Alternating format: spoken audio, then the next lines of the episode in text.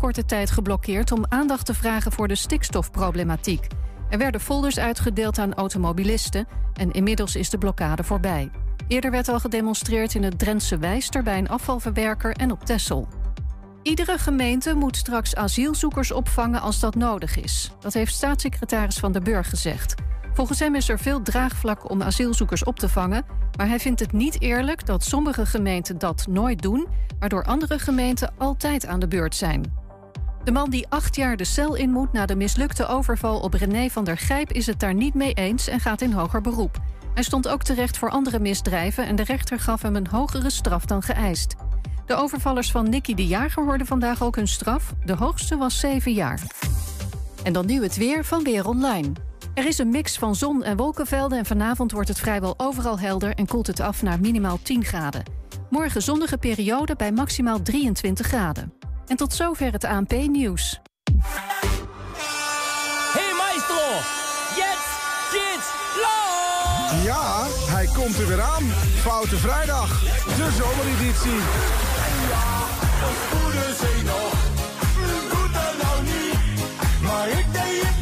Met optredens van Bjorn Klok, Maiko, Wilfried Wildschwein, Joy Boelders, August van Engelen, Jessie Ariaans, Shaman en Jannes. Donders, donders, donders, machtig mooi. Als het anders was geweest, dan werd het me een kleed. En natuurlijk de foutste hits. Vrijdag 22 juli vanaf 7 uur. Ho, wacht. 7 uur in de ochtend? Ja, in de ochtend. Bij Gastrobar Roosendaal in Enschede. Dat betekent dus onmeunig vroeg je nest uit. Voor een supergezellige vrijdag. Foute Vrijdag. De zomerse vrijdag van GM Twente Radio. 22 juli. De zomerse vrijdag van GM Twente Radio. Bij Gastrobar Roosendaal. Daar wil je bij zijn.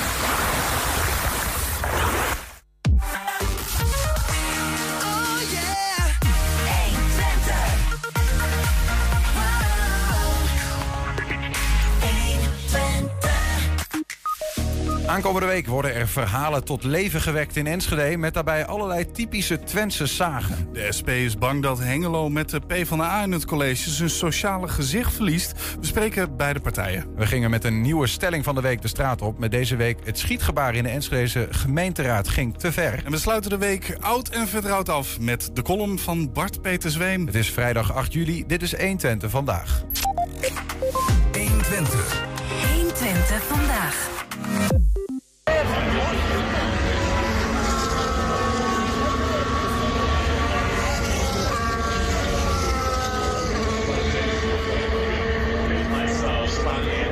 ziet eh, is het Formule 1-spektakel in Oostenrijk al in eh, volle gang. Om half twee vanmiddag begon daar de vrije training. En over een klein uurtje begint de kwalificatie voor de sprintrace morgen. Op het circuit, de Red Bull Ring geheten, krijgt Max Verstappen jaarlijks veel steun uit Nederland. En ook uit Twente kan de coureur eh, op steun rekenen. Wel in de vorm van de Let op, volume 1 blasters uit Weerselo. Live vanuit Spielberg in ehm, Oostenrijk, Spielberg moet ik denk ik zeggen... zijn de gelegenheidsblasters via Zoom toch ook een beetje bij ons. Eh, Vincent, goedemiddag.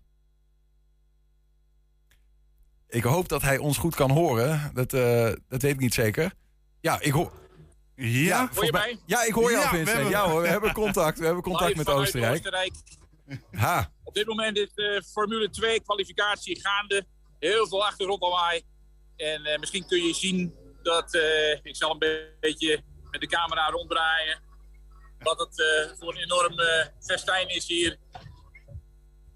Ja, we, zi- we zien het inderdaad. De Fo- Formule 2 op dit moment bezig. Zometeen dus de kwalificatie voor de Fo- Fo- Formule 1. En jullie hebben, Vincent, een groep en die he- heten de Volume 1 Blazers. Ik, ik vind het een briljante vondst. Wie heeft dat bedacht? Onze creatieve man is eh, Alwin aan Albers. Ook lid van ons eh, van Miserabelen. Die, eh, die verzint dat soort dingen. Die maakt de logo's. Die, die komt met mooie motto's. Ja, we zijn er heel blij mee. Maar zijn jullie echt een gelegenheidsdwelorkest? Dan moet ik dat zo zien. Echt speciaal voor de Formule Nou, 1? Nou, het is zeker gelegenheid, omdat van Miserabelen zijn er maar acht leden eh, mee. En we zijn in totaal met twintig eh, muzikanten hier. Van, eh, ook nog van de kapel uh, Molwan Aas, ook nog van de Harmonie. En ook nog een aantal oud-leden die eh, eh, afgelopen vier weken weer hard gerepeteerd hebben om toch mee te kunnen doen vandaag. Ja, ja. En de, de Miserabele waar je het over hebt, dat is, de Miserabele, dat is een eh blaasensemble in Weerselo. Moet Ja. ik dat zo zien? Ja. Ja, hij is een, eh, een pretorkest, welorkest eh, uit Weerselo. Eh, we vieren eh, volgend jaar ons 33-jarig bestaan. Maar hey Vincent, ik, ik, een aantal vrienden van mij zitten daar ook ergens. Als je ze ziet, groet ze even. Maar het, het, het kost niet niks om daar naartoe te gaan. Oftewel, je moet best wel eh, eh, een, een grote ook Formule 1-fan zijn... naast dat je kunt blazen. Zit Weerselo zo vol met mensen die en Formule 1-fan zijn... en toevallig om het toe te kunnen blazen? Nou, we hebben heel veel muzikanten in, eh, in Weerselo. En ik weet niet of je iets zei over eh, dat het nogal prijzig was om hier naartoe te gaan. Ja. We zijn natuurlijk met onze eigen bus eh, hier naartoe gereden. En S- Spielberg is een heel betaalbaar circuit. We hebben iets van 200 euro voor het hele weekend betaald. Maar en wat doen jullie daar dan praktisch? Want jullie zijn dan met een or- orkestje van zo'n man of twintig, hoor ik. Ehm, gewoon hoenpapa muziek langs, langs het circuit? Ja, eh, we zijn vandaag eh, eh, hebben we de tenten opgezet op de camping. Maar we staan niet allemaal, alle twintig bij elkaar. Er zijn ook mensen die met andere bussen gereden zijn, met eigen vervoer, met campers. En ehm, eh, na de kwalificatie komen we bij elkaar en pakken we de instrumenten. En krijgen we ook onze outfit. Hebben we ook speciaal een, ehm, een nieuwe polo laten maken met, met ons logo. En de slogan lekker aan de race. Maar- Cruise it to the max. En wat speel je dan, eh, Vincent? Speel je bijvoorbeeld die, eh, de openingstune van Formule 1? Tur, Die hoor ik jullie even niet. Speel jij de openingstune eh, met, eh, met het blaaskapelletje? Of wat, wat voor muziek speel je? Wat is de muziek die je speelt? Dat is dus zeg maar het enige nieuwe nummer wat we ingestudeerd hebben. Eh, de Formule 1 tune. Eh, speciaal gecomponeerd door eh, onze dirigent eh, Robert Drokhuis. Dus eh, dat is voor iedereen heel herkenbaar. Eh, voor de rest zijn het feestnummers, want het is hier echt ongelooflijk één groot feest. Met volgens mij wel 50.000 Nederlanders. Overal waar je kijkt is het eh, oranje. Dus, als, dus ja. als je Supermax of zo inzet, dat liedje, dan, dan zingen er 50.000 man mee. Nou ja, de 50.000 man zijn wel verdeeld over het hele circuit. Eh, dus, eh, maar de, de, er zingen er zo 100 mee. Hey, maar nou, die Nederlanders die zullen het Ik weet niet fenomeen... of je het achter mij kunt zien. Ja, ja, ik zie achter jou zien we een meneer in een, in een, in een, in een rolstoel die geduwd wordt. Klopt dat? ik weet niet of je dat wil laten zien, maar... Eh, Oh ja, ik zie allemaal, nee, ik zie allemaal oranje Ja. t-shirtjes, zien we nu. Ja, Ja. ja. maar het is, eh, er komt net de politie voorbij, maar die hebben alles goed eh, onder controle. Ja, hier, eh, we zitten op een, een hoog punt. En daarboven staat een eh, café en dat is echt helemaal eh, oranje gekleurd. Maar wat speel je, en nogmaals eh, Vincent, wat spelen jullie dan allemaal nog meer daar aan het circuit? Wat voor muziek spelen jullie? Welke muziek maak je? Ja, de verbinding is een beetje... Ik Hey. weet niet of je vraagt welk instrument ik bespeel. Dat is de trompet. We hebben zes trompetten en drie, vier trombones. Maar we spelen echt alle feestnummers die, die je maar kunt bedenken. Van Sweet Caroline tot... eh, eh, nou, eh, echt al, noem het maar op. Ja, ja. Heel gezellige apres-ski muziek. En is dat de eerste keer dat jullie dat doen dit jaar of hebben jullie dat vaker gedaan? Nou, vorig jaar was er ook een groep van Miserabel, maar zonder instrumenten. Toen hebben we gezegd van hier moeten we echt muziek maken. Dus eh, dit jaar hebben we ook serieus vier keer samen allemaal gerepeteerd. En, ehm, en gaan we het gewoon eh, extra gezellig maken. Nee, want ik, ik dacht, ik wilde je eigenlijk ook vragen, eh, ah, maar dat, dat moet je dus waarschijnlijk nog gaan zien. Kijk, Nederlanders, die 50.000, die kennen het fenomeen van het dweilorkest. Maar ik vraag me af of al die andere bezoekers die daar zijn, Oostenrijkers, Italianen, weet ik veel, die denken van, wat krijgen we nou? Nou, eh, het wordt overal gewaardeerd. Eh, ja, eh, toevallig in een havenfeest in Willemshaven. En eh, ja, je krijgt zoveel bijval. Dat is eh, heel dankbaar om, eh, om te doen. Hey, voor, eh, tot slot, voor Max zelf zal het denk ik niet zo heel veel uitmaken. Hè? Want volgens mij, eh, tenminste, ik weet niet of jullie op zijn boordradio zitten, maar ik denk dat hij er niet veel van mee zal krijgen in zijn helm. Nee, Maar ik denk dat Max wel geïmponeerd is door de oranje tribunes. En eh, ja, dat beetje muziek wat wij maken, dat is dan voor de toeschouwers zelf. Ik denk dat Max er niets van hoort. Wat verwacht je van de race, Vincent? Gaat hij winnen? Nou ja, de eerste vrije training, hij was eh, drie tienden sneller dan, eh, dan Leclerc, zag ik. En eh, dadelijk in de kwalificatie, als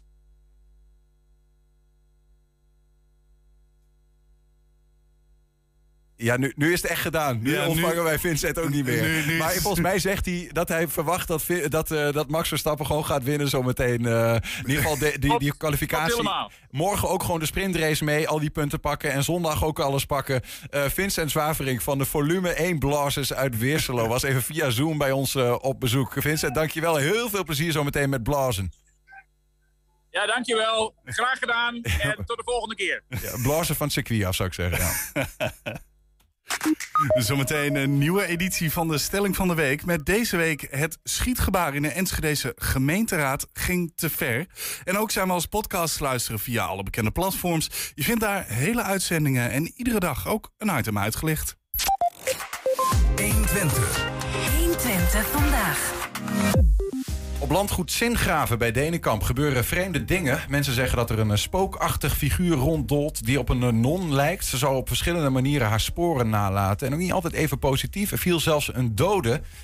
De non van Zingraven zou zomaar echt kunnen zijn. Er zat immers ooit een klooster op de plek van het kasteel. Aankomende week wordt het verhaal in ieder geval tot leven gewekt in Enschede. Samen met andere typische Twentse zagen. Ze worden onder begeleiding van een strijkquintet verteld door Nina Dies Meeuwse. En zij is bij ons. Nina Dies, welkom.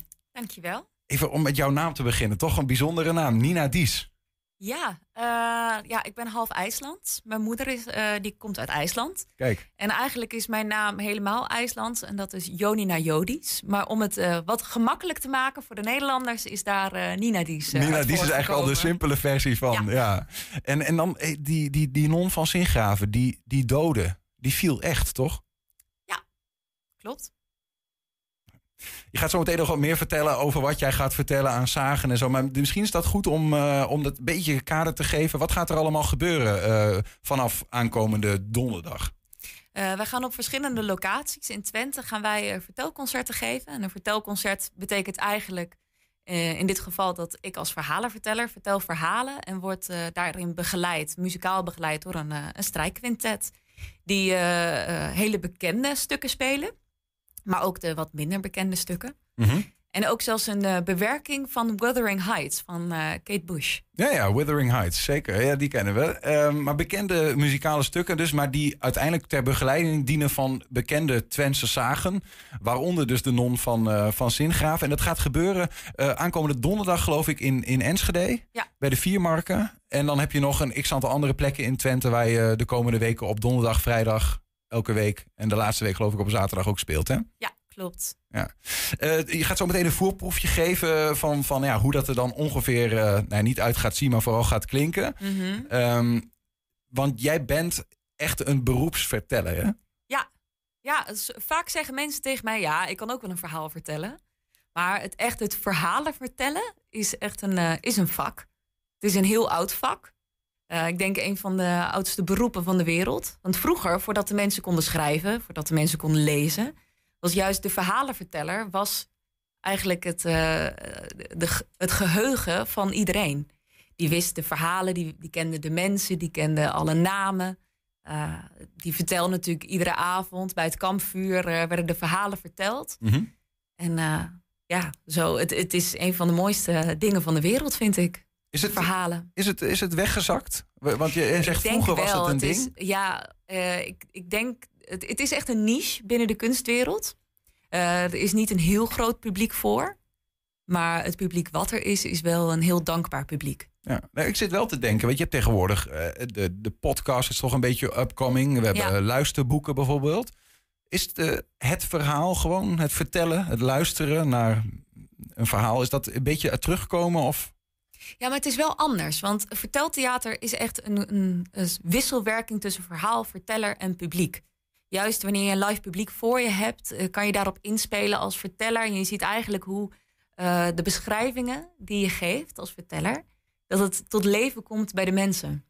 Dat je echt letterlijk ziet dat wanneer iemand geraakt is of wanneer iemand het eigenlijk het inkleurt van wat je zelf vertelt. Ja. Dus als jij straks een voorproefje gaat geven Ja. en je gaat dat bijvoorbeeld hè, in die camera daar in de hoek eh, eh, ja, voor de mensen die thuis meekijken eh, doen, Mhm. dan is het toch ook wel, ja, dan mist er wel iets. Namelijk dat je Ja. ziet hoe ze reageren en dat je daar weer op inspeelt bijvoorbeeld. Ja, ik heb ook wel, natuurlijk in coronatijd heb ik veel verteld met een, een livestream. Maar dat is gewoon niet hetzelfde. Nee. Het is echt iets magisch wat juist alleen maar ontstaat met een live publiek. Hetzelfde dat live muziek anders binnenkomt als dat je gewoon een cd opzet. Mhm. Ja. Is het, maar is het, is het gemis of is het anders? Het is gemis. Ja. Ja, het allermooiste is vooral in een eh, intieme setting luisteren naar een verteller. Dat vind ik zelf ook het allermooiste. Ja, ik zit ook te, te denken van, je, jij hebt zelfs eh, wetenschappelijk onderzoek gedaan naar verteltheater. Ja, dat dat vond ik ook wel eh, bijzonder. mijn scriptie heb ik erover geschreven. Ik heb een HBO-studie gedaan. En ik heb eigenlijk, ik ben theaterdocent en theatermaker. Naast dat ik een verhalenverteller ben. En ik heb het verhalen vertellen heb ik eigenlijk altijd naast mijn opleiding gedaan. En toen dacht ik, in mijn afstuderen dacht ik, en nu wil ik er echt een onderzoek over doen. Want er is in het Nederlands vooral is er weinig over geschreven. Mhm. Eh, weinig dat het echt compleet is. Er zijn heel veel mensen die er heel veel over weten. Mhm. Maar vooral in, eh, de, in het Engels en in het Duits is er wel wat meer eh, concreet over geschreven. Dus ik dacht, laat ik het allemaal bundelen. Ja. En echt onderzoek doen van wat is nou echt het verhalen vertellen. Wat is verteltheater? Daar gaat Ja, het over. Wat is verhalen echt- vertellen? Ja, wat is echt verteltheater? Een verteltheater is ook echt met mimiek en gebaren en bloemrijk taalgebruik. En dat je het voor een publiek doet. En dat je het publiek meeneemt waarin ja, Ja, wat je samen ge- eigenlijk duikt in het verhaal. Is het, ehm, eh, ehm, als wij naar jou gaan kijken, hè, eh, donderdag of vrijdag, eh, nou ja, de komende weken, met Mhm. het strijkquintet erachter, zeg maar. Wat maakt het goed? Het verhaal op zichzelf vooral, of degene die het brengt, de manier waarop het gebracht wordt? Of is het echt een samenspel? Het is echt een samenspel. En nu vooral dan met de muziek erbij. Mhm. Eh, vooral verteltheater leent zich heel goed voor een crossover. Verteltheater wordt ook heel vaak gebruikt in samenwerking zelfs met een beeldend kunstenaar of eh, met dus inderdaad muziek. Ik heb ook eerder eh, vertelvoorstellingen gemaakt samen met een singer-songwriter of eh, met, een, met iemand die poëzie schrijft. Ja. Het leent zich juist heel erg voor die samenwerkingen. En ik denk altijd in samenwerking met muziek is dat het allermooiste. Omdat je, je zet al een sfeer neer. Ik maak eigenlijk een plaatje ik, door middel van beschrijvingen. Mhm. En eh, door middel van mijn gebaren en wat ik doe en met mijn mimiek vertel ik een verhaal. Het zijn niet alleen maar woorden. Het is echt alles bij elkaar. En daarmee maak ik een sfeer die wordt afgemaakt eigenlijk door de muziek. Het versterkt elkaar heel erg. Ja. En als je dan eh, sec kijkt naar de tekst hè, die je brengt, Mhm. eh, dan is het, hoor ik dan, want ik wil je, wil je vraag van wat, wat maakt nou een goed verhaal? Maar hoor ik dan dat je zegt een goed verhaal zit, zit die beeldendheid zit daarin? Ja, het zintuigelijke ook. Als ik bijvoorbeeld vertel over iets, hoe iets ruikt, of hoe iets eruit ziet, of eh, dat er iets, iets rauw is, of eh, dat je zegt alleen al, je kan een, een boom kan je beschrijven als er staat er een boom. Mhm. Maar als ik zeg, er staat een boom en die staat er al 300 jaar. En het is in de lente en er zitten kleine eh, lichtgroene blaadjes aan, waardoor de, de zon schijnt. En die zon schijnt dan op het zachte groene mos onderaan die boom. Ik denk, dan, dan wordt er eigenlijk al automatisch wordt er een plaatje in je hoofd geschetst. En hoe meer dat gebeurt en hoe meer zintuigen eigenlijk, zintuig je eigenlijk daarin aanspreekt, Mhm. hoe meer het eh, raakt eigenlijk. Is dat iets wat wij aan het kwijtraken zijn? Denk het wel. Het is ook, nou, het is ook hard werken als publiek. Het is makkelijker om bij een eh, gewoon alleen maar muziek te luisteren. Als je op een concert bent, je luistert de muziek, het komt op je af, het wordt je gegeven. En je kan ervan genieten. Iemand die ik ken, die zegt altijd: eh, muziek is als wijn, dat je drinkt en het is makkelijk en het vloeit makkelijk weg. En vertellen is echt als brood. Je moet aandacht hebben als luisteraar. Om erbij te blijven? Ja, je moet er eigenlijk op kouwen, je moet erover nadenken en thuis later nog denken: oh ja, dat verhaal en dat blijft me nog bij en dat blijft me nog bij. En het allermooiste is eigenlijk eh, dat een verhaal komt bij iedereen anders binnen. Dat als er een beschrijving wordt gegeven, zal jij het anders voor je zien dan dat ik dat voor me zie. Als jij dat publiek eh, aan aan- aankomende donderdag gaat vragen van wat eh, heb je nou voor je gezien of teken het is, dan krijg je Ja. eh, allemaal verschillende tekeningen. Ja, terwijl je eigenlijk dezelfde beschrijvingen gebruikt. Maar voor iedereen is het toch het plaatje maak je echt af. Ik geef een aantal beschrijvingen en vooral bij verteltheater is het vaak dat je aan het begin van het verhaal geef je zoveel mogelijk beschrijvingen om eigenlijk dat, dat motortje al aan te wakkeren bij je publiek. Mhm. En uiteindelijk, hoe verder je komt in je verhaal, hoe minder beschrijving je eigenlijk hoeft te geven. Ja, omdat ze zelf met die fantasie aan de haal gaan. Ja. Je hebt me benieuwd eh, gemaakt de- naar, naar wat, je, de- wat je daar gaat doen. Nou, je- dat ga je natuurlijk niet weggeven, maar je hebt wel iets voor ons voorbereid. Ja, Eh, een klein ja, stukje, wat ik letterlijk ook, hoe ik eigenlijk begin in, mijn, eh, in het concert. de kijkeraar, zoals wij hem noemen, eh, die is eh, daar eh, in de hoek. Eh, dus ja, ja, we gaan eh, naar jou kijken. Ja. En luisteren vooral. Al decennia lang voelen mensen aan dat er meer is tussen hemel en aarde. Meer dan dat wij kunnen zien met onze eigen ogen of kunnen horen met onze eigen oren.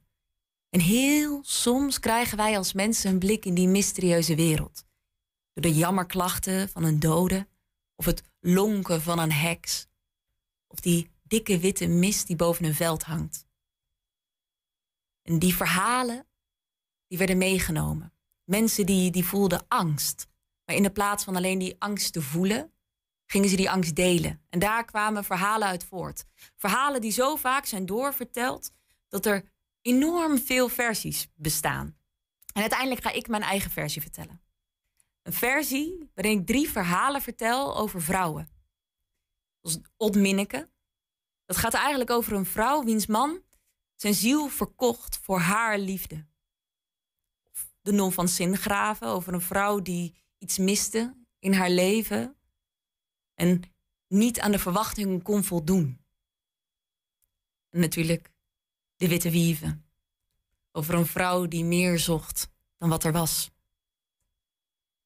Deze verhalen die ga ik vertellen en eh, uiteindelijk, ja, ik wil natuurlijk niet al te veel weggeven. Nee, nee, nee, nee, maar ik hoor wel een aantal bekende termen voorbij komen. Hè? De Ja. witte wiever, de nons van zinsgaven, Ja. ja. tipte ik zelf al een beetje, een beetje naartoe. Maar we moeten hier dus ook nog de muziek onderdenken. Dit is de introductie naar dat jij die verhalen gaat vertellen van die drie vrouwen. Die toevallig ook allemaal vrouwen zijn inderdaad. ja, ik denken. ja, het gaat uh, veelgaand uh, over vrouwen. Ja. En het zijn allemaal Twentse, echt Twentse verhalen. Hè? Ja, het zijn niet uh, verhalen uit verre landen of moeilijke culturen. Nee, het zijn echt verhalen van ja. de grond waarop je staat. Vorig jaar hebben we dus de non van Singraven, heb ik verteld, op het landgoed van Singraven. Ja, ja. En het allermooiste was toen dat het ook... Uh, we zouden eigenlijk buiten gaan spelen. Alle locaties nu zijn ook weer buiten. We zouden buiten gaan spelen, maar toen werd het ontzettend slecht weer. En toen hebben we uh, noodgedwongen zijn we in de schuur naast het gebouw, waar Oeh. zij dus uh, is ingemetseld, om al iets te verklappen. Uh, zijn we naast het gebouw, konden we in een schuur, konden we terecht. En het werd heel romantisch met lampjes die we hadden opgehangen. En uiteindelijk, toen ik dus inderdaad de non van Singraven ging vertellen, begon het ook te stormen en te onweren. Dus dat uh, dus de non alsof, ze er niet, haar, alsof ze er niet mee eens was. Oei, ja. Oei, oei. ja, nee, we moeten toch. Want ik stelde jou die vraag. Die man, die, er is dus echt een, een dode gevallen, ook daar bij Singraven ooit. Ja, en ze zeggen dat het dus door haar komt. Door haar komt. Ja, zij ja. is nog steeds op zoek naar wraak. Er is een non geweest die dus levend is ingemetseld. Ja. Daar. En ik ben ook nog, uh, ik heb ook nog het geluk gehad dat ik die dag dat ik het ging vertellen, mocht ik ook nog even zien waar ze was ingemetseld. En je kan ook horen als je dat dan is op echt. de. Dat, is ook. Ja dat, ja. dat is ook echt. Ja, en als je dus op de muur klopt, dan hoor je ook dat het een holle wand is. Ik, ik, word hier helemaal een beetje kriebelig van. Hoor. Ja, ja, ik vind het fantastisch. Ja, ik hou nou, ervan. Ik, ik, ik, weet dat ik... Uh, ik heb zelf in de buurt gewoond toen ik uh, een jaartje of dertien was. Korte anekdote. En toen, ik fietste dan wel naar school. Of ik ging s'avonds naar Denenkamp toe. Ging daar ergens spelen. En dan moest ik s'nachts of s'avonds laat moest ik terugfietsen. Mm -hmm. Van Denenkamp naar Tillichten toe. Maar dan fiets je over het landgoed Singraven. Want het was altijd open, die hekken. En dat was dan binnendoor. Maar uiteindelijk uh, heb ik dat een paar keer gedaan. En toen heb ik toch maar de omweg genomen. Want om daar nou s'nachts nog langs, uh, langs te fietsen met die verhalen allemaal in je hoofd. Ja, dan krijg je toch hele andere beelden en zo ook in je hoofd. Het is echt super eng als je daar heel laat langs moet. Ja, er is dus die, die dode die is gevallen. Dat is dus een man geweest, heer Udink, die daar ook beheerder was. En uh, hij schrok ergens van, is over een olielamp gestruikeld. En hij is al brandend, is hij uh, door zijn personeel uh, de dinkel ingegooid. En uiteindelijk is hij dus overleden aan zijn uh, verwondingen. Maar het, ze zeggen wel dat het dit dus is komt geen door fantasie. Dit is nee, een nee, nee, echt dit, gebeurd dit verhaal. Is, ja. Maar goed, daar zijn mensen uiteindelijk natuurlijk... Ja, die maken daar ook hun eigen context omheen. Ja. En daar speelt die non van Zingraven blijkbaar een rol. Ja, en ik heb uh, mij Ja. zo vrij gevoeld als verteller... zoals ik me altijd voel, om het uh, verhaal wat, wat completer te maken. Dus echt de, de echte details, dat weet ik natuurlijk niet. Want er werd alleen maar gezegd, zij is omdat zij onkuis contact had met de dorpsbewoners, is zij eh, ingemetseld. Hm. Nou, toen heb ik er dan een verhaal omheen gebouwd Zij van hield wat het er dus niet, uiteindelijk, eh, eh, wat er dus uit- ja. echt is gebeurd. Volgens, die- mijn, eh, Ja, ja, volgens mijn idee. Nou ja, de- ik zit me toch af te vragen. Er zijn dan drie eh, verhalen van Twentse grond. Hè, van, van, die komen echt hier vandaan. Maar is, is Twente dan zo'n verhalenland? Of geldt dat voor iedere streek wel? Hebben die zijn eigen verhalen? Ik denk wel dat in Twente. Ik, ik vind de Twentse zaag wel heel mooi. Ik denk eh, dit soort verhalen, zoals ook de Witte Wieven, die zie je niet in het Westen. De Witte Wieven, die, die komen ook alleen maar voor in deze streek. In de achterhoek ziet het ook wel. En eh, nou, verder, verderop in Salland ook. Maar het is niet iets wat je overal ziet. Ik weet nog dat ik aan het kampvuur zat eh, in de Ardennen, groep 8 kamp. En eh, toen werd dat verhaal verteld van de Witte Wieven. En, en, en, en op dat moment eh, zegt er op een gegeven moment ook iemand van... oh, kijk daar in de verte. En, Ja. en, en, en dan was een soort van... ja, er zal wel iets zijn geweest van iets, een witte... dat het wat lichter was op die plek of wat dan ook. Maar iedereen dacht gewoon, omdat je dat... je zit zo met je hoofd in het verhaal van... da- daar, daar zijn ze. Ze komen kijken hè, als je het over ze hebt. Ja. En eh, eh, ja, dat is toch heel apart wat er gebeurt in je hoofd als je inderdaad zo'n verhaal vertelt. Dat, ik vraag me ook af trouwens, wat gebeurt er eigenlijk in jouw hoofd als je zo'n verhaal vertelt? Want ik, schrijf je die tekst helemaal uit of is het verhaal elke keer anders? Nou, ik heb wel een, eh, eh, gewoon echt een verhaallijn. Ik weet hoe de scènes lopen. Ik ken het verhaal van, van begin tot eind. Ik, wat ik vooral voor mezelf doe, is waar gaat het verhaal echt over? Wat is de, de kern van het verhaal? En, maar soms dan vertel ik dit iets meer, soms vertel ik dat iets meer. Ik laat me soms ook leiden door, echt, door emotie. Vooral vind ik de non van Zingraven, er zit heel veel emotie in. En ook de Witte Wieven. Ik, ik verplaats me echt in de scène. Ik plaats het om me heen. Als ik het heb over een kamer, dan zie ik voor me waar de kast staat. Dan zie ik voor me waar de, de tafel staat. En ik plaats me in het, in het moment. En ze zeggen ook dat je hersenen veel beter kunnen onthouden als je iets voor je ziet. Hè? Dus ja, dat is maar wat dat, dat, dat heel- is het ook. Ik leid ook jonge vertellers op. En het eigenlijk het enige wat ik doe als ik ze aan het coachen ben... van wat zie je? En waar staat dat? En waar staat dat? En hoe ziet dat eruit? Ja. En eigenlijk stel ik alleen maar vragen... zodat het, het beeld in je hoofd zo compleet mogelijk wordt. Ik vertel niet alles wat ik zie. Dus als ik iemand voor me zie eh, in, uit het verhaal... dan ga ik niet helemaal precies vertellen... en dat is de kleur ogen en zo lang is het haar. Maar ik heb het voor mezelf wel helemaal geschilderd. Ja. Dus als ik aan het, aan het werk ben, letterlijk achter mijn bureau, dan ben ik daarmee bezig. Van wat, wat is dat nou? En hoe ziet dat eruit? En dan probeer ik het helemaal zo voor me te stellen. Ik heb gestudeerd aan de PABO en daar kregen we ook eh, les over vertellen. Maar heel veel, eh, ik hoorde daar ook, en dat klopt ook wel, heel veel van mijn klasgenoten, van, ja, het is a-relax, zeg maar, om iets om te vertellen. Ja. Heel veel mensen vinden dat toch eng. Want je hebt, ja, je hebt geen blaadje voor je of wat dan ook. En Het je is gaat heel kwetsbaar. een verhaal vertellen. Heb je daar een soort van, ja, heb jij voor jezelf dat, ben je dat, heb je dat over, zeg dat, hoe ben je daar overheen gekomen of heb je dat nooit gehad? Ja, ik ben sowieso, ik, eh, ik speel al heel lang. Ik ben ook actrice. Dus dat is eigenlijk al sinds dat ik me kan herinneren. De eerste voorstelling speelde ik toen ik drie was. Ja. Dus ik heb niet de gêne om voor een publiek te staan. Dat heb ik nooit gehad. Alleen wel echt het vertellen is gewoon een andere soort concentratie die je moet hebben. En voor mij was het ook dat ik de, toen ik leerde vertellen, was het oké, eerst schrijven en het verhaal leren kennen. En dan dus gewoon op het podium gaan staan. En dan dus inderdaad om jezelf heen plaatsen en die, die, die concentratie proberen te pakken. Ja. Die je dus als verteller moet hebben. Mis je de muziek ook eigenlijk? Als je net, eh, die doet net een voorproefje van wat je dat dan eh, eh, straks. Ik kan me voorstellen dat de muziek ook een onderdeel is van waar je een beetje op leunt af en toe. Ik, hoe zit dat eigenlijk? Die muziek, is die echt in, in, in steen geschreven, zeg maar? Of, of improviseren zij wat sferisch muziek daar op de Nee, het, is wel, het zijn klassiek muzikanten die wel echt spelen volgens bladmuziek.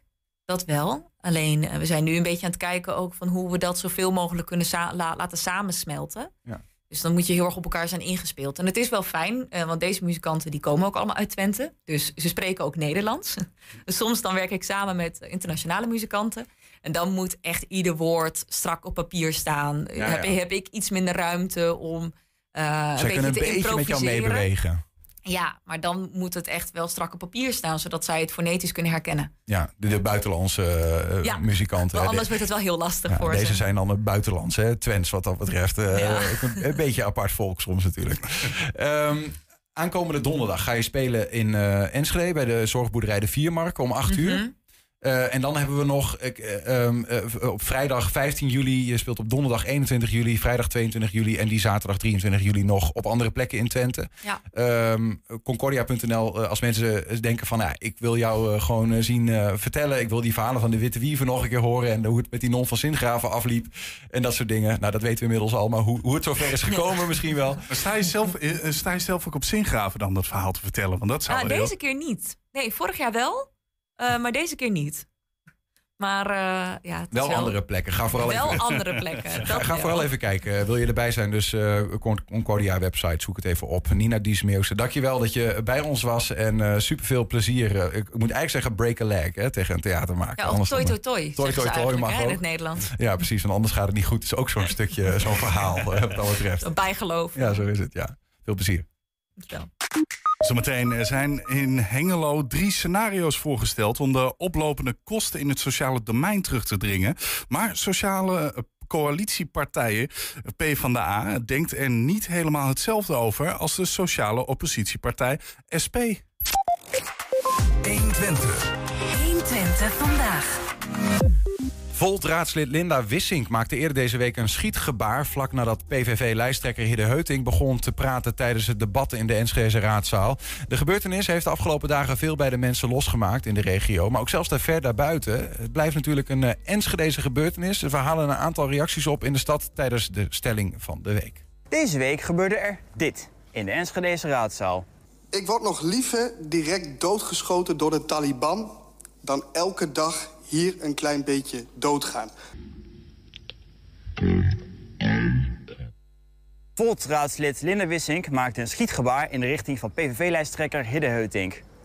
Het gebaar zorgde online voor heel veel ophef. Hoe denken de mensen op straat hierover? We onderzoeken het tijdens de nieuwe stelling van de week. Het schietgebaar in de Enschedeze gemeenteraad ging te ver. Nou ja, zolang het nog met de vinger is, heb ik er geen probleem mee. Uh, ja, dat vind ik wel. Ja. Dat soort dingen dat moet je niet in de gemeenteraad doen. Het, is helemaal, het heeft, geeft geen pas om dat te doen, helemaal niet eigenlijk. Dat soort dingen moet je voor je houden, toch? Nee, dat gebaar kun je niet maken. Nou, ik denk niet dat we daar nou echt zo heel veel aan moeten, moeten wijden. En sowieso de partijen die daar meningen over gaven... hebben toch wel echt wel ernstige dingen geroepen gedaan. En hun achterban ook zeker. Dus laten we nou eerst uh, even niet uh, elkaar de, de, de zwarte piet toesteken. Volgens mij was dat een grapje. Nee, Dan ga ik nog liever dood, zegt hij. Dus hij maakt een schietgebaar. Alsof het de Taliban is. Uh, ja, ik vind het op zich ook een beetje ver gaan. Dit, uh, ja... Het verbaast me ook wel dat het, uh, dat het gebeurt en dat het ook kan. Ik heb de laatste tijd niet veel meegekregen, maar uh, op jongere leeftijd uh, heb ik wel veel meegemaakt met schietpartijen. Want op mijn basisschool waren we in Bous en um, hadden wij um, aan de overkant van de straat gewoon een schietpartij aan de gang. Dus het is de laatste tijd ook wel weer aan de gang in, de, in mijn wijk, dus het is wel een beetje erg eigenlijk. Hebben de mensen die de, daar in die raad zitten dan geen voorbeeldfunctie? Ja, ik vind het voor wel. Ik vind het wel te ver gaan. Ja. Ik bedoel, ik vind je hebt een voorbeeldfunctie, dus uh, je moet je inhouden. En uh, ja, als dat zo uh, gebaar gemaakt wordt, ik kan me voorstellen dat dat maar wel... Ik heb wel een hoge pet op dan van wat daar zit. Ik niet. Dus ik, ik vind dat helemaal niet... Nee, ik had het niet anders verwacht, laat ik het zo zeggen. Dat is wat anders. Ja, nou daarom. Ik vind dat... Nee, je, kan, kan... je kunt het verwachten, maar het is niet goed te praten, vind ik. Nee, nee, je hoort, hoort niets te doen. Het is niet netjes. Nee. Mag alles worden gezegd in zo'n uh, kamer als je verder maar je beperken houdt van het non-verbale gedrag? Ja, je moet natuurlijk een beetje oppassen wat je zegt. Hè? Er zijn uh, grenzen hè? Mm -hmm. aan dat wat je kunt zeggen. Dus eigenlijk de wording die daarvoor aan, aan vooraf, zijn vooraf gegaan, die weegt eigenlijk zwaarder dan dit gebaar? Jazeker, jazeker. Maar uh, zeg maar, degene die het gebaar maakte, die zei uh, eigenlijk dat ze dus gedwongen bijna voelde door de woorden die eraan vooraf gingen. Maar uh, zoals u het brengt, lijkt het een beetje alsof u daar nog begrip voor hebt ook. Um, ja, ik een beetje moeilijk begrip voor hebben. Nee, ik, ik kan me wel voorstellen dat je door die partij ook geneigd bent om het te doen. Niet daadwerkelijk, maar wel, ja, Hey, want je ziet inderdaad wel de trend dat heel veel mensen uh, vooral het non-verbale gedrag uh, heel erg uh, belangrijk vinden. En dan kan je alles maar zeggen. Maar u denkt daar dus anders over? Um, laten we zo zeggen, die partijen die nu lopen te klagen en hun achterban... Zijn stuk voor stuk met dat soort dingen bezig geweest. Hebben ze daarmee gebezigd. En lopen nu te klagen dat het tegen hun wordt gebruikt. Het is de pot die de ketel verwijt. Degene die het gebaar eh, heeft gemaakt, die heeft, uh, ach- mm, die heeft zijn excuses aangeboden nadat die eh, zijn geëist. Daar gaat verder nu ook geen eh, eh, strafproces meer aan Nee, vooraf. ja. Is eh, daarmee de kous er nu ook eh, gedaan? Of, Dat denk ik wel. Ik denk dat dat voldoende moet zijn en dat, het, eh, eh, dat ze daarvan leert. Aan de ene kant wel, als je oprechte excuses maakt, maar ja, dat is net als in de landelijke politiek. Eh, ze zeggen wat, ze doen wat en overal wordt dan excuses voor gemaakt. We ben je klaar. en dan ben je klaar en dan ga je gewoon weer op de oude voet verder. Dus eigenlijk is het niet goed. Ik vind het eh, eigenlijk... Ik vind het er zot voor worden dat er überhaupt een kous was. Ja, de Hengeloze jeugd werd de afgelopen week gewezen op de gevaren van sextortion met behulp van een escape room bus. Zometeen meer daarover. 120. 120 vandaag. Het dit voorjaar gepresenteerde Hengeloze Collegeprogramma 2022-2026, de komende vier jaar dus, is volgens de oppositie een vaag document waarmee je als raad alle kanten op kunt. Deze week kwam er duidelijkheid met de zogeheten zomerbrief en een brief met als onderwerp scenario's transformatie sociaal domein. Hierover gaan de raad en het college dinsdag met elkaar in discussie tijdens een eh, politieke markt. Want met die stukken had de oppositie eh, eindelijk iets om toch haar tanden in te zetten. Eh, vraag ik ook maar meteen even aan onze tafelgast nu, eh, Vincent Mulder van de SP. Is dat zo? Was het een beetje concreet? Kon je er wat mee? Nou ja, als, je, als ik jouw aankondiging hoor, dan denk ik van ja, ik hoor allerlei hele ingewikkelde termen. Eh, sociaal domein, wat is dat?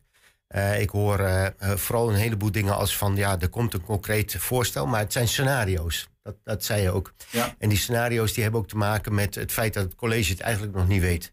Dus ze leggen nu aan de raad een aantal dingen voor. Eén ding weten ze wel zeker, en dat zeggen ze niet heel hard. Ze willen ongeveer 11 miljoen bezuinigen op het sociaal domein. En daar steekt heel erg de pijn voor ons. Oké, daar, daar gaan we het uitgebreid over hebben. Misschien ook goed om de eh, andere Vincent overigens er ook even bij te halen. Die is via de telefoon hier. Ja, Je kunt de koptelefoon opzetten. We hebben hier een volumeregelaar onder de tafel, mocht je het willen, Vincent Oh ja. Mulder. Het moet hard Ehm, genoeg staan. Maar, eh, Zeg ik even tegen eh, Vincent ten Voorde, raadslid van de coalitiepartij P van de A. eh, goedemiddag ook. Ja, goedemiddag Niels. Ja, twee Vincents. In het begin van de uitzending ook al een Vincent. Wat dat betreft, ik weet niet wat het is vandaag, maar eh, welkom allebei. Ehm, ja, toch twee so- sociale partijen aan tafel. Eh, alleen aan de telefoon een eh, coalitiepartij. eh, en aan de tafel hier een oppositiepartij. Die nog een verschillend beeld hebben van, eh, van eh, wat er nu is gepresenteerd. Maar voordat we naar die eh, eh, scenario's gaan, waar we het net over hadden. Misschien goed eh, die, die zomerbrief. Hè, die heette eerder de kadernota. Weet een van jullie waarom dat is veranderd qua naam? Nee, geen idee. Eh, het is, het is een- heeft een andere naam. Waarschijnlijk ook omdat het een ander college is. Eh, willen ze dat allemaal eh, pimpen en nieuw neerzetten? Prima. Maakt mij niet uit. Ik, ik lees wat ik lees. En deze zomerbrief is een en al vaagheid. En dat is wel... Ja, ik, ik, ik wil Toch niet- nog weer? Ja, nou ja, goed. De- Want daar zou, in moeten, daar zou iets concreter in moeten staan. Zeker. Wat zou erin moeten staan? Nou ja, waar het college natuurlijk voor gaat. Kijk, als ik eh, meneer Ten Voorde, die ook aan de lijn is... als ik die eh, zou citeren, dan zou die zeggen van... ja, in ons collegeprogramma staat bijvoorbeeld in de zorg geen marktwerking. Nou, daar staat niks over in. Er staat niks over in dat WMO en de, de aanbieders... eh, iets van eh, de marktwerking willen afschaffen. Ja. Dus met andere woorden, dat college, dus met andere woorden... die al, al die partijen eh, ja, wil betrekken bij de zorg die ze willen hebben. Ja. Nou, we, we moeten niet te lang hebben over die zomerbrief. Want we gaan het vooral over die scenario's hebben. Maar eh, Vincent ten Voorde van de P van de A. eh, hoe, hoe, hoe kijk jij daarnaar? Die zo- zomerbrief ook eh, gehuld in vaagheid. Vind je dat ook als coalitiepartij? Eh, nou, ik vind het niet zozeer gevuld in, eh, in vaagheden. Het is een andere, andere werkwijze. En eh, de colleges in het verleden hebben natuurlijk altijd redelijk dichtgetimmerd. Overigens de colleges waar ook de SP altijd deel van uit heeft gemaakt. Redelijk dichtgetimmerd, waardoor er voor de raad eigenlijk weinig ruimte was om nog mee te beslissen. Nou, het nieuwe college heeft bepaald dat op hoofdlijnen een akkoord is gesloten.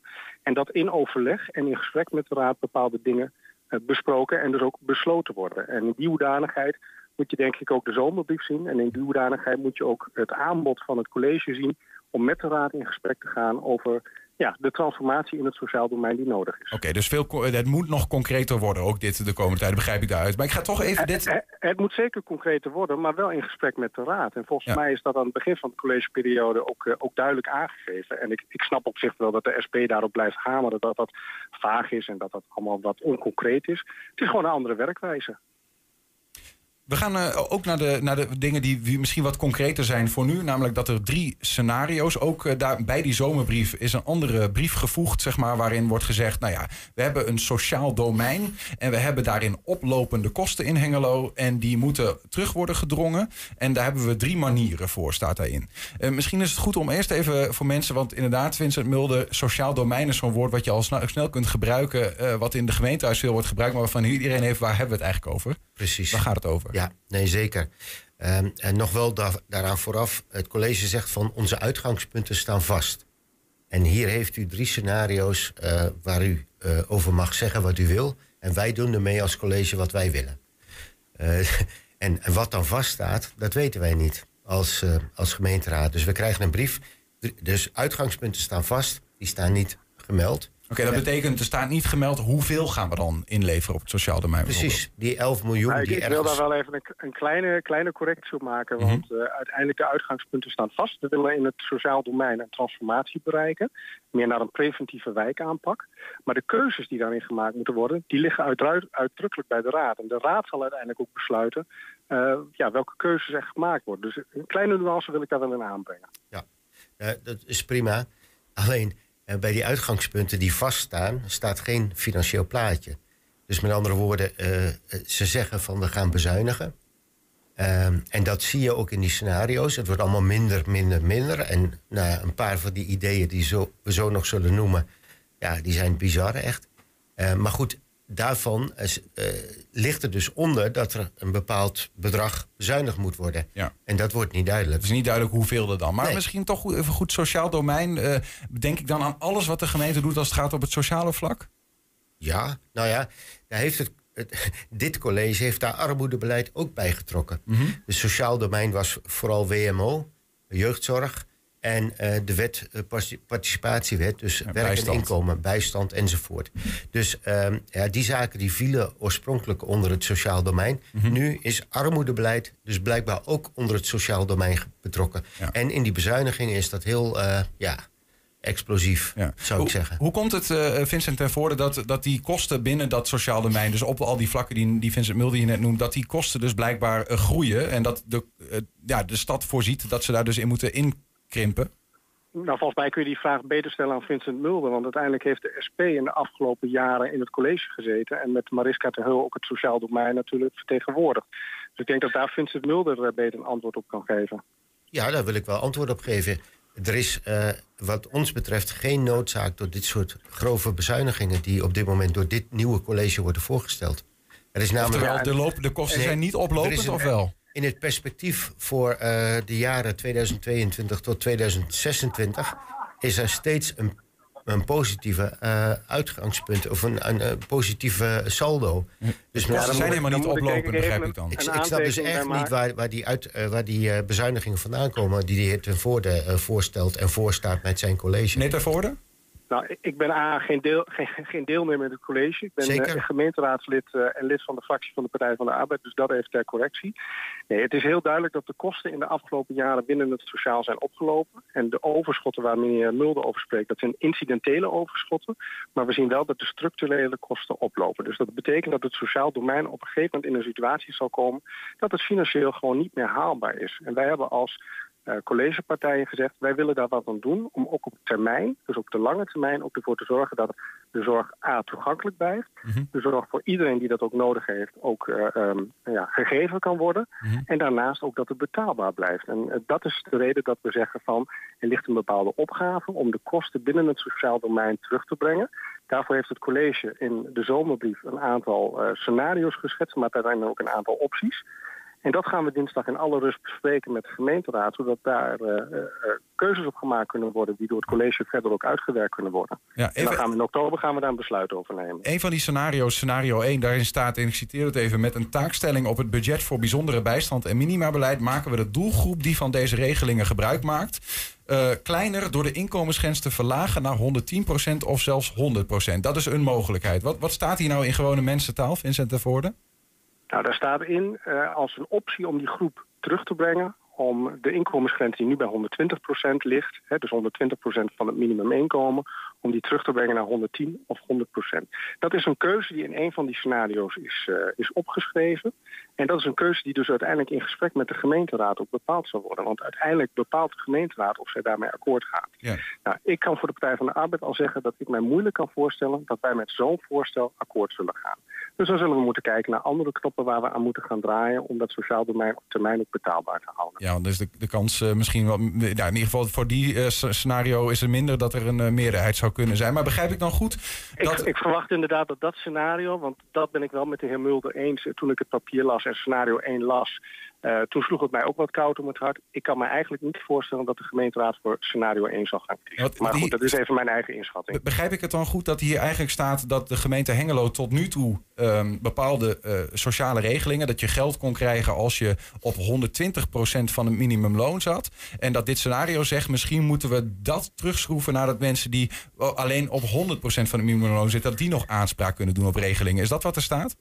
Dat is een van de opties die genoemd is als een mogelijkheid om de doelgroep te verkleinen. Ja, ja. nou ja, goed, die, daar hoeven we wat dat niet met elkaar over te dus debatteren. niet- Want en, en dat wil ik dan ook wel even duidelijk zeggen, want ik zag gisteravond een tweet van, eh, van de SP voorbij komen. Waarschijnlijk eh, door de heer Mulder geschreven. Dat, eh, ja, er werd een beetje in gesuggereerd dat dit al bestaand beleid was of dat dit al besloten was. En ja, dat is dus zeker niet het geval. Het is een voorstel in een ambtelijk stuk als één van de knoppen waaraan te draaien is. Maar het is dus zeker niet al besloten. waar in ieder geval Vincent Tevoorde niet mee zou stemmen. Hier staat, eh, ik heb die Twitter... Ik kan, die- ik, kan, ik kan me heel moeilijk voorstellen dat de Partij van de Arbeid akkoord gaat om dat terug te brengen. Die tweet, eh, Vincent eh, Mulder, staat knetterrechtse teksten die tot voor kort ondenkbaar waren in Hengelo. Is dat de tweet, denk ik, wat Nou ja, gaat? dat is precies wat het is. Kijk, toen de SP in het college zat, zaten we ook met de VVD, dus de meest rechtse partij in Hengelo. Althans, met uitzonderingen daar gelaten, zaten we in het college. En toen hebben wij het niet laten gebeuren dat dit soort keuzes aan de raad werden voorgelegd. PvdA Nee. kiest ervoor om dit soort keuzes dus wel voor te leggen. En dus met andere woorden, de, de gang naar rechts wel mee te maken. Eh, Nou, dat vind ik wel een, dat vind ik wel een ja, hele bovendien- maar makkelijke, bo- bovendien, makkelijke mag ik even uitpraten? Heel even, meneer Mulder nog. Ja, Ja, natuurlijk, Bovendien gaat het in al die scenario's gewoon om bezuinigingen. Dus die 11 miljoen, die ligt eronder. En wij zeggen daarvan, voor ons is niet bewezen dat die bezuinigingen van 11 miljoen dat die Nodig zijn. noodzakelijk zijn. En echt, eh, tuurlijk moeten de dingen veranderen. In de jeugdzorg, eh, eh, wethouder Brugging, die heeft een half jaar geleden... zag hij zich genoodzaakt om te zeggen van ja, eigenlijk mijn taakstelling op het gebied van jeugdzorg is niet gelukt. Eh, dus daar moeten we gaan bijsturen. Dat is het afgelo- afgelopen half jaar niet gebeurd.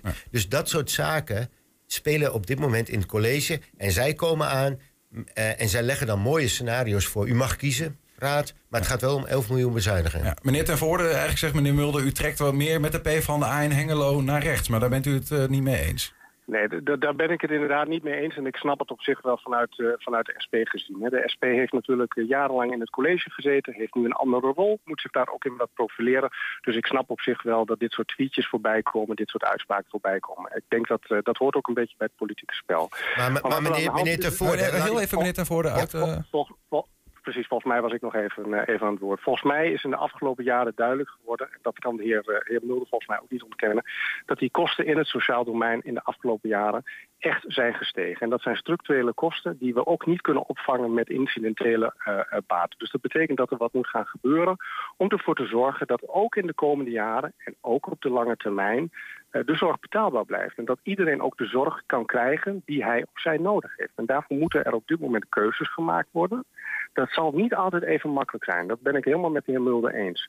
Maar we hebben wel nu de mogelijkheid om aan de voorkant samen met de raad, samen met het college, die keuzes te gaan bepalen. En ervoor te zorgen dat er ook in de komende jaren, ook op de lange termijn, ja, gewoon ook een een sociale gemeente blijven. En dat, dat vind ik wel heel belangrijk. En dan vind ik het eigenlijk te makkelijk om te zeggen van... ja, er is geen reden om, eh, om te bezuinigen. Want die is er zeker wel. U bent allebei eh, eh, uiteindelijk wel sociale partijen. Hè? En ik hoor hier toch bijna twee partijen die tegenover elkaar staan. Dat is ergens ook een, een probleem misschien wel. Ja, dat is omdat dit college heeft eigenlijk de SP ingewisseld voor de PvdA... denkend dat daarmee een linkse partij in het college zou zitten. Ja, dat is een misvatting geweest. En Burgerbelangen en VVD hebben samen met D66 en CDA... hebben ze eigenlijk eh, hiermee de weg vrij voor een rechtsbeleid. En de PvdA doet net als in Rutte 2... eh, doen ze eh, ja, de gang naar rechts om maar gepleased te worden door de rest. Ik wil nog even zeggen... ehm, meneer Tevoorde die had het over dat de SP op een of andere manier ja, niet, niet de bezuinigingen zou willen. En ik denk eh, dat wij snappen heel goed dat de kosten eh, eh, de pan uitstijgen. Wij hebben het altijd gezocht in de lobby naar Den Haag. Den Haag moet geld brengen met de taken die ze aan de gemeente hebben toegedicht. Andere kwestie is de marktwerking. De PvdA heeft in haar eigen verkiezingsprogramma nog iets gezegd over die marktwerking die eruit zou moeten. Namelijk, dat is een heel groot, grote kostenpost, namelijk heel veel partners waar je als gemeente mee moet, moet werken. Ik zie er niets van in het eh, verkiezingsprogramma of in het eh, collegeprogramma terug. Dus met andere woorden, daar gaat Dat zou beter zijn dan die scenario's eh, op bezuinigingen, Absoluut. de marktwerking een, een halt aanroepen. Absoluut. Ehm, eh, toch even meneer Ten Voorde ook, want we hebben nog twee scenario's niet besproken en, en een reactie op wat me- meneer Mulder hier zegt. Nou, en laat, laat ik vooropstellen dat de heer Mulder en ik het in ieder geval erover eens zijn dat de lobby richting Den Haag dat die inderdaad versterkt moet worden. Want het kan natuurlijk niet zo zijn dat het kabinet Rutte steeds maar weer eh, eh, nieuwe taken bij de gemeente over de schutting gooit zonder dat daar voldoende financiering over, eh, over de Ja, burger dat is een deel van die Dus stijgende kosten, hè? Ja. Pre- Precies, dus daar ben ik het helemaal met de heer Mulder eens. En daar moeten we ook zeker gemeenschappelijk... Gelukkig, daar hebben we elkaar gevonden. Ja. Eh, eh, z- zeker. En ik ben het ook helemaal met de heer Mulder eens dat als er keuzes gemaakt moeten worden, dat we moeten gaan kijken hoe we die sociaal gaan doen. Waar ik het eh, wel oneens ben met de heer Mulder, is dat, we, ehm, eh, dat, eh, dat er geen keuzes zouden zijn. Die zijn er zeker wel. Er zijn drie scenario's geschetst. En ook binnen die scenario's zijn een aantal opties geschetst, waar we geloof ik als gemeenteraad aanstaande dinsdag met elkaar over in gesprek gaan. Nou, wij hebben het stuk afgelopen woensdagmiddag gekregen. Ik heb het toevallig gisteren voor de eerste keer echt daadwerkelijk kunnen doorlezen. Nou, dit weekend wil ik het nog in alle rust eens een keer gaan bestuderen. En dan maandagavond met mijn fractie gaan, eh, gaan bepalen welke keuzes voor de Partij van de Arbeid heel erg belangrijk zijn. En dan zullen we daar dinsdag met de gemeenteraad over in gesprek gaan. Maar dat er geen keuzes gemaakt zouden kunnen worden, of dat het al vaststaat, of dat er onsociale keuzes gemaakt Helder. zouden worden, Ja. dat wil ik echt, eh, echt eh, ontkennen. Dat, ja. is, dat is gehoord, maar ik ben toch nog even... Want ik heb, we hebben één scenario gehoord, namelijk eh, wellicht die, die grens eigenlijk terugdringen van 120 naar of 110 of 100 procent. Zodat je eigenlijk minder mensen hebt die je nou ja, eh, met alle regelingen tegemoet komt. Maar wat zijn dan scenario 2 en 3? Want die heb ik nog niet gehoord, volgens mij. Mag ik er nog één element uit noemen? De- in een van die scenario's wordt geschetst van dat er een winkel zou moeten worden opgericht door de gemeente. Waarin mensen eh, met een lager inkomen eh, boodschappen kunnen doen, zij alleen. En dat ze dat tegen een lagere kosten kunnen doen. Dus lagere prijzen voor die producten. Maar, zegt, de, eh, zegt het, dus het scenario erbij... die mensen moeten dan wel een keuze maken uit beperkte producten... want we gaan ook de leefstijl van die mensen daarmee beïnvloeden.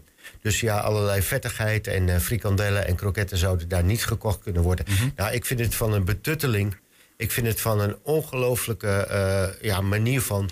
eh, Ja, maar dis- dat kan toch, dat u het niet eens bent met dat scenario? ja, maar goed, eh, dat is een keuze op basis van nogmaals die 11 miljoen bezuinigingen op het sociaal domein. Die zouden wij als SP niet voor onze Nee. rekening Dat- willen dat nemen. is- dat is helder. Nee, en daar, zitten we dan ook het grote verschil. Hè? Als we het SP nu in het college hadden gehad, dan waren die kosten van, die waren natuurlijk opgelopen, opgelopen, opgelopen. Want er werden Nee, geen keuzes dat is de afgelopen En jaren niet maken nu- gebeurd. En wij Nee, maken nu de zeker keuze niet. om wel bepaalde We dingen... hebben 12 jaar in het college gezeten en dat is niet gebeurd. Wat u zegt.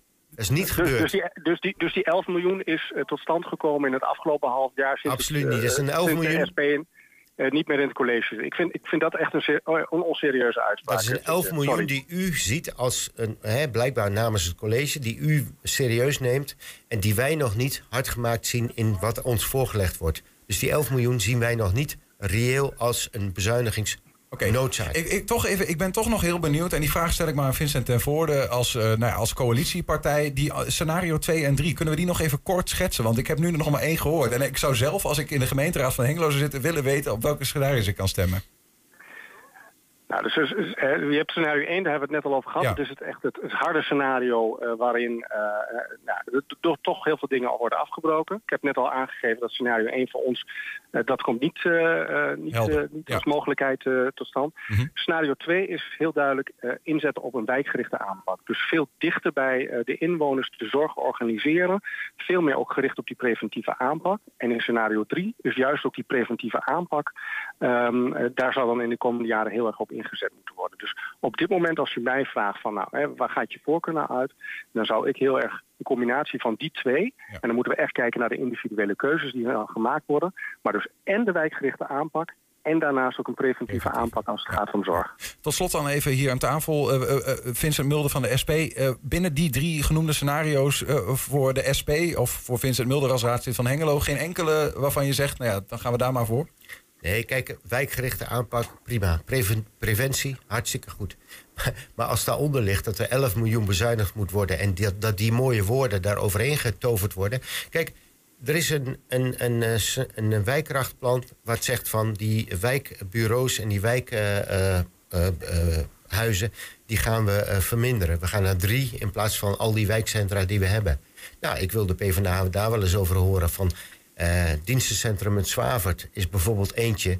Die was, voor, die was afgeschreven, maar die komt nu weer in beeld. Dus ik wil de PvdA daar graag over horen... of zij dat ook willen, dat die in beeld blijft. En dat die Dat gaan we dan aankomende dinsdag horen, denk Lijkt ik. heel goed. Ja, precies. Want dinsdag, wat- het is een voorproefje uiteindelijk nog, anders doen we het hele spel hier. ehm, ja, spel in ieder geval. Ja, en, en, en laten we ook niet vergeten, hè, de, SP en de Partij van de Arbeid, we zijn het ook over een heleboel dingen eens. En ik denk dat eh, hè, het zit hem eh, heel ver in de nuances, het zit hem heel erg in, de, in hoe kijken we tegen die plannen aan. Eh, maar ik zie zeker ook eh, op punten waar, eh, waar wij met de SP natuurlijk ook gewoon het, het over eens zijn. Ja. Dat vind ik ook wel even belangrijk om even te benoemen, ook bij alle verschillen die we in dit telefoongesprek of in dit gesprek gehad hebben, dat, dat daar zeker ook overeenkomsten in zijn. Helder. Vincent Mulder hier in de studio van de SP en Vincent de Voorde van de P van de A via de telefoon. Dank voor jullie, eh, nou ja, dan wel telefonisch of fysieke inbreng hier. En veel eh, nou ja, plezier met elkaar over hebben dinsdag. Dankjewel. 120. 120 vandaag. Het eh, versturen van een onschuldige naaktfoto of video kan verschrikkelijke gevolgen hebben. Van gezichtsverlies tot afpersing en nog erger. Bij seksuele afpersing, ook wel sextortion genoemd, worden de slachtoffers overtuigd om intieme beelden van zichzelf te sturen. Waarna de eh, eh, afpersers dreigen deze te verspreiden als er niet betaald wordt. Ja, met behulp van een escape room bus wezen de politie en het Centrum Seksueel Geweld van de GGD Twente de Hengeloze jeugd afgelopen week op de gevaren daarvan. Het voertuig stond enkel, elke dag ergens anders in Hengelo en gisteren stond hij in de binnenstad. De klok start met terugtellen en je hebt geen tijd te verliezen. Om de klok te stoppen heb je vier codes nodig. Die zitten in de bus. Ja, dit is een escape room eh, voor sextortion. Eh, om daar het verhaal eh, eh, van Marije in mee te nemen, de jongeren in mee te nemen. Marije is een fictief Marije is een fictief meisje die wordt afgeperst ehm, door een jongen. En ehm, Marije was verliefd en die had zoiets van, nou, dat kan wel, ik vertrouw deze jongen. Nou, uiteindelijk ging, eh, ging dat mis en ehm nou, wou hij geld en anders zou hij de foto's online gooien. En dit is een fictief verhaal, maar dit gebeurt natuurlijk ontzettend veel. Eh, wij hebben helaas, eh, komen er heel vaak aangiftes binnen of meldingen bij ons... dat eh, jonge meiden voornamelijk, maar ook jongens worden afgedreigd... eh, door, eh, omdat ze naaktfoto's hebben verstuurd in goed vertrouwen. Hoe ging het? Oh, het, ging, het ging supergoed. Ja. Nou, wat Ja, Je hebt eh, 10 minuutjes of zo heb je toch, maar jullie waren Eh, 5 minuten klaar. Ja. Gewoon voor de acht minuten. Jullie hebben de escape room doorlopen. Allebei ontsnapt? Ja. Ja. Was het moeilijk? O- ja, op zich wel. Sommige dingen, maar verder ging het wel gewoon eh, soepel. Ja. Hebben jullie zelf wel eens te maken gehad met dit soort eh, ja, dingen? Eh, ja, alleen dan ehm zeggen ze bijvoorbeeld dingen van... oh, ik stuur je foto's door... terwijl ik een, nooit nog geen eens een foto van mijn hoofd heb gestuurd of zo. Dat soort dingen. En dan blokkeer ik het gewoon en dan... Ik Daar hoef je ook niet bang voor te zijn. Dat Nee. trap je niet in. Nee. En jij? Ja, wel gewoon dus mensen die zeggen dat ze foto's van mij hebben gehad, maar dat is niet zo. En dan gaat het bijvoorbeeld heel de school rond of zo, maar dan is het nooit gebeurd. Dus dan denk ik, ja, hoezo zeg je het dan? Is het iets wat de laatste tijd echt eh, explosief is eh, toegenomen? Dit, deze vorm van ja, sextortion?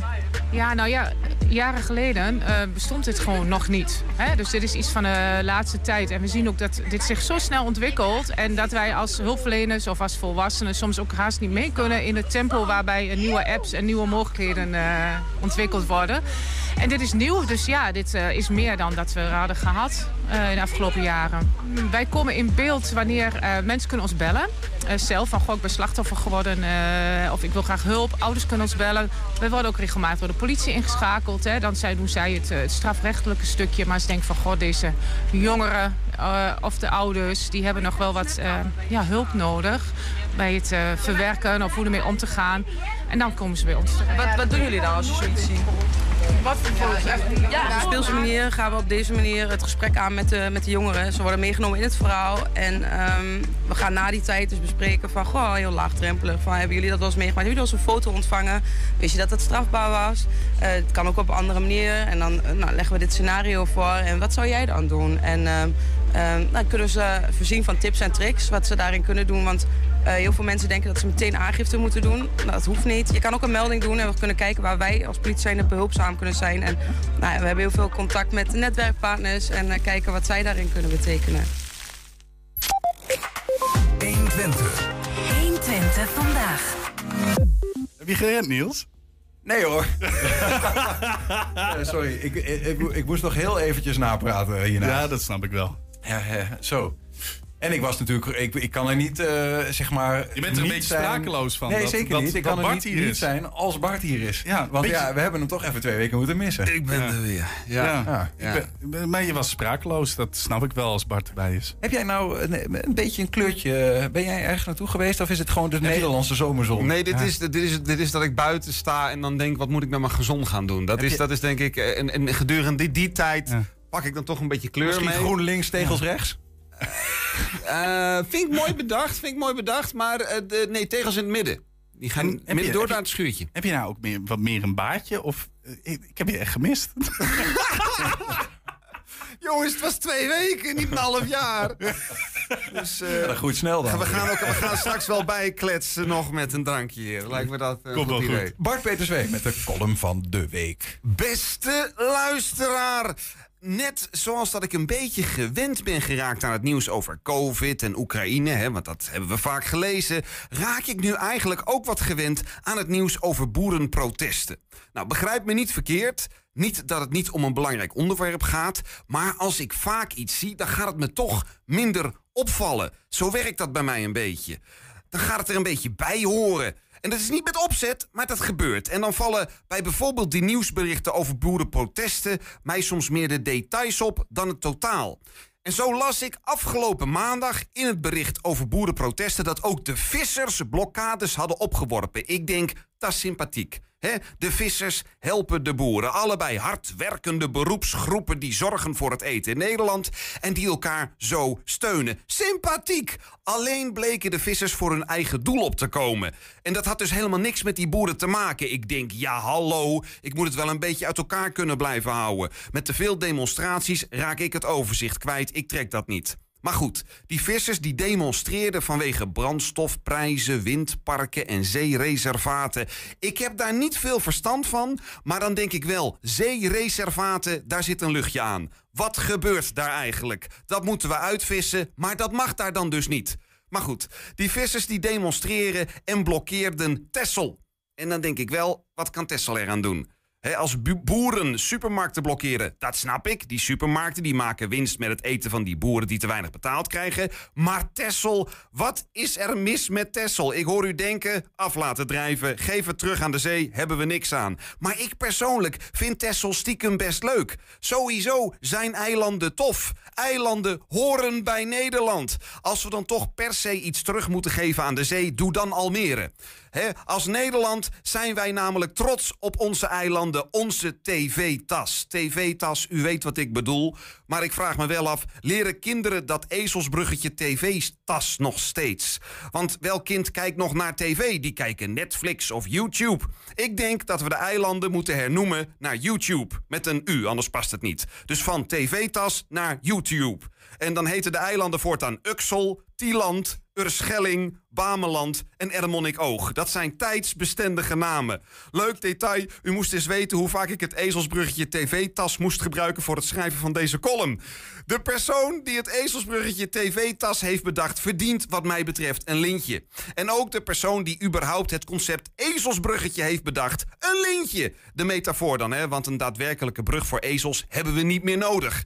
Maar goed ook, want anders was ook die geblokkeerd geweest door boeren. Sta je dan in een filerij met allemaal ezels of is een normale file dat ook? Denkt u daar maar over na.